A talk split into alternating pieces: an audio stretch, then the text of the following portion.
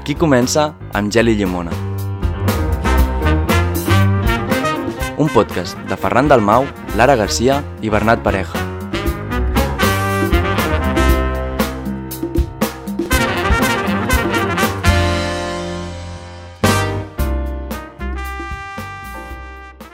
Bon dia, benvingudes i benvinguts a Amb gel i llimona. Sabíem que ens trobàveu a faltar i és per això que després de dues setmanes de festa i algun que altre treball de la universitat, som aquí per portar-vos, de nou, més tranquil·litat i notícies.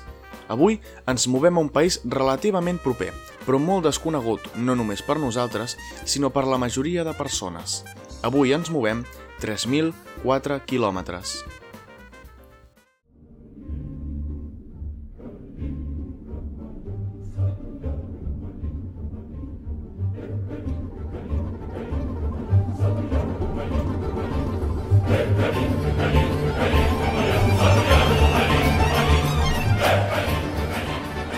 Doncs sí, ens movem fins a Rússia, un estat que mai deixa de ser notícia, principalment pel seu president, Vladimir Putin. Aquesta vegada, el líder del Kremlin ha aprovat una llei que li permetrà mantenir el càrrec fins al 2036, quan ja tingui 85 anys. Això sí, sempre que Putin guanyi la reelecció al càrrec de 2024 i el 2030. Allà els mandats són de 6 anys, no de 4 com aquí. Això no sembla cap problema per Putin, ja que porta guanyant eleccions des de l'inici del segle. Unes eleccions que, per altra banda, no són justes. La Freedom House és l'organisme encarregat de mesurar la llibertat als diversos estats del món. Ho fa cada any i, per sorpresa d'absolutament ningú, va catalogar Rússia de not free, és a dir, no lliure. Els informes de la Freedom House puntuen els estats sobre 100, on 100 és la màxima llibertat. Doncs bé, Rússia va obtenir una puntuació total de només 20 punts. Aquesta puntuació es desglossa en diverses categories que pretenen mesurar tots els aspectes de la vida dels ciutadans. La llibertat dels processos electorals ocupa un total de 12 punts, dels quals Rússia no en va obtenir ni un. Això que escoltareu ara és un resum que va fer la Freedom House. El poder en el sistema polític autoritari rus està concentrat a les mans del president Vladimir Putin. Amb unes forces de seguretat lleials, una justícia al servei, un espectre de premsa controlat i una legislatura que consisteix en un partit governant i una oposició feble i flexible, el Kremlin és capaç de manipular eleccions i suprimir els dissidents. La corrupció desenfrenada permet les relacions constants entre la burocràcia i els grups criminals organitzats. La reforma proposada per Putin, que el permet mantenir la presidència durant dos períodes més de sis anys, s'inclou dins d'un conjunt de reformes constitucionals aprovades el passat estiu a les urnes. Són un total de 206 esmenes a la Constitució aprovades amb un 80% dels vots a favor. Entre les propostes votades, totes aprovades, n'hi ha de tan indecents com la prohibició del matrimoni homosexual, una de les grans manques de llibertat del país. A més, es van aprovar mesures com les de no cedir territoris. El motiu principal va ser el conflicte que encara es manté entre Rússia i Ucraïna pel control de Crimea. La regió ucraïnesa va dur a terme una declaració unilateral d'independència el 2014 i es va annexar a Rússia. Tot i que la comunitat internacional encara reconeix Crimea com a part d'Ucraïna, de facto està sota el control rus. Rússia avança a poc a poc cap a l'aïllament legal, fet que demostra una altra de les esmenes. Si la llei internacional i la Constitució russa es contradiuen, es dona prioritat a la Constitució, fet que no passa a gairebé cap altre país del món.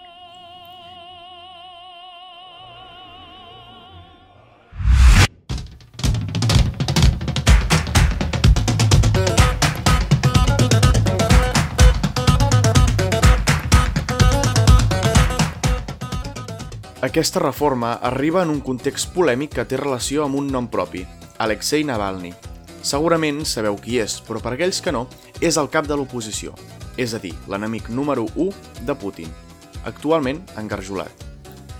Navalny va ser detingut aquest 2021 en tornar a Rússia i va ser jutjat en un judici llampec sense cap tipus de garanties. Finalment, se li va aplicar una pena de 3 anys i mig de presó per violar la condicional que se l'havia aplicat per uns crims inexistents.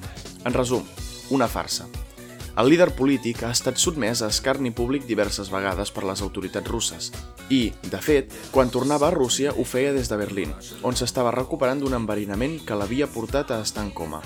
Tot apunta que els responsables de l'enverinament eren els serveis secrets russos, en un procediment habitual en l'època de la Guerra Freda. Fa pocs dies va començar una vaga de fam a presó, una estratègia que és vista com una manera de sortir als mitjans per demanar justícia i per poc que si se'n deixa de parlar acabi mort per causes naturals, ja ens entenem. Precisament pel presumpte intent d'assassinat d'Alexei Navalny, el president dels Estats Units Joe Biden va afirmar en una entrevista que Putin era un assassí. Unes acusacions a les quals Putin va respondre dient que s'ha de ser un assassí per reconèixer-ne un altre. Actualment, la relació entre els Estats Units i Rússia és de les més tenses en molts anys, i és que les relacions internacionals dels soviètics no es caracteritzen per ser tranquil·les.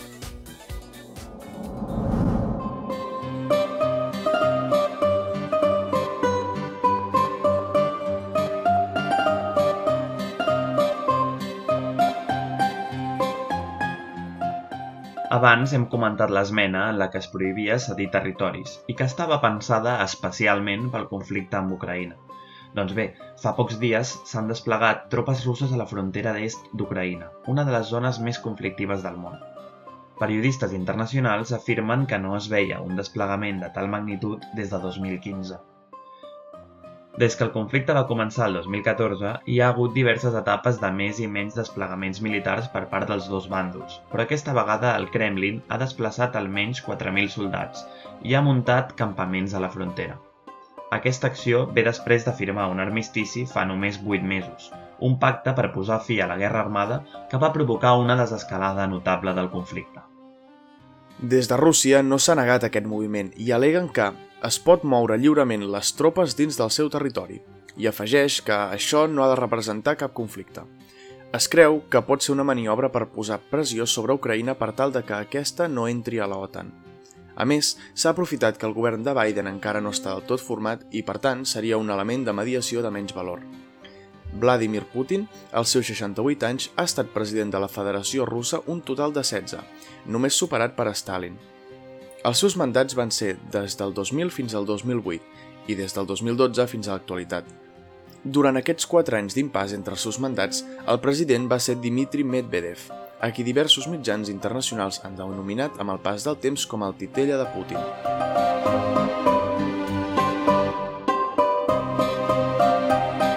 Però quin és l'origen del president? D'on ve? Després de graduar-se en dret a la Universitat Estatal de Leningrad, l'actual Sant Petersburg, Putin va ser reclutat pel Comitè per a la Seguretat de l'Estat rus, KGB, l'agència d'intel·ligència i policia secreta de la Unió Soviètica. El KGB va estar actiu entre el 1954 i el 1991 i sempre ha estat envoltat d'històries i trames dignes de pel·lícula. No se sap exactament quants espies, agents dobles, científics o escoltes tenia la institució, però s'estima que unes 48.000 persones van treballar al servei secret, entre elles l'actual president rus. Putin va renunciar al seu càrrec al KGB el 1991 i va anar escalant en política fins a esdevenir primer ministre. El 1999, el llavors president rus va cedir-li de forma sorpresa el poder, que va ostentar durant dos mandats, de 2000 a 2008. Llavors, com que la Constitució no el permetia tornar-se a presentar, Putin va fer president a Dmitry Medvedev, qui va ser considerat el titella de Putin. Medvedev va ser el cap d'estat durant quatre anys i Putin era el primer ministre. El 2012, el nostre protagonista d'avui va tornar-se a presentar a les eleccions i, sorpresa, les va guanyar. Des de llavors ha estat el líder rus i la nova llei li permetrà ser-ho molts anys més.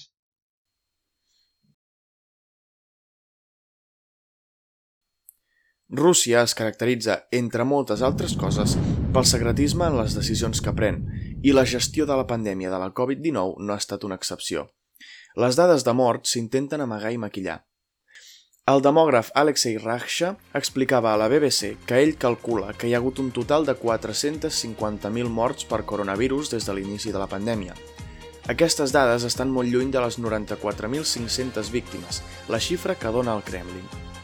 Així i tot, aquest últim nombre gairebé no s'explica en públic. El juny de 2020 es van aixecar totes les mesures de protecció per tal de, entre altres coses, poder votar el referèndum que mantindria a Putin al poder. El mateix demògraf creu que fins a un terç de la població ha passat ja la malaltia per culpa de les poques mesures adoptades pel Kremlin, provocant un augment de la mortalitat descomunals.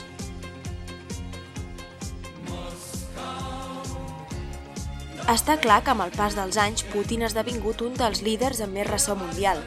Els seus 16 o més aviat 20 anys de mandat han estat tacats amb misteris i assumptes tèrbols com el cas d'Alexei Navalny. La Federació Russa, considerable com una dictadura encoberta amb una careta de democràcia, amaga, de ben segur, més d'un secret fosc. Ens trobem la setmana vinent amb el nou episodi. Marxem abans que es desfaci el gel.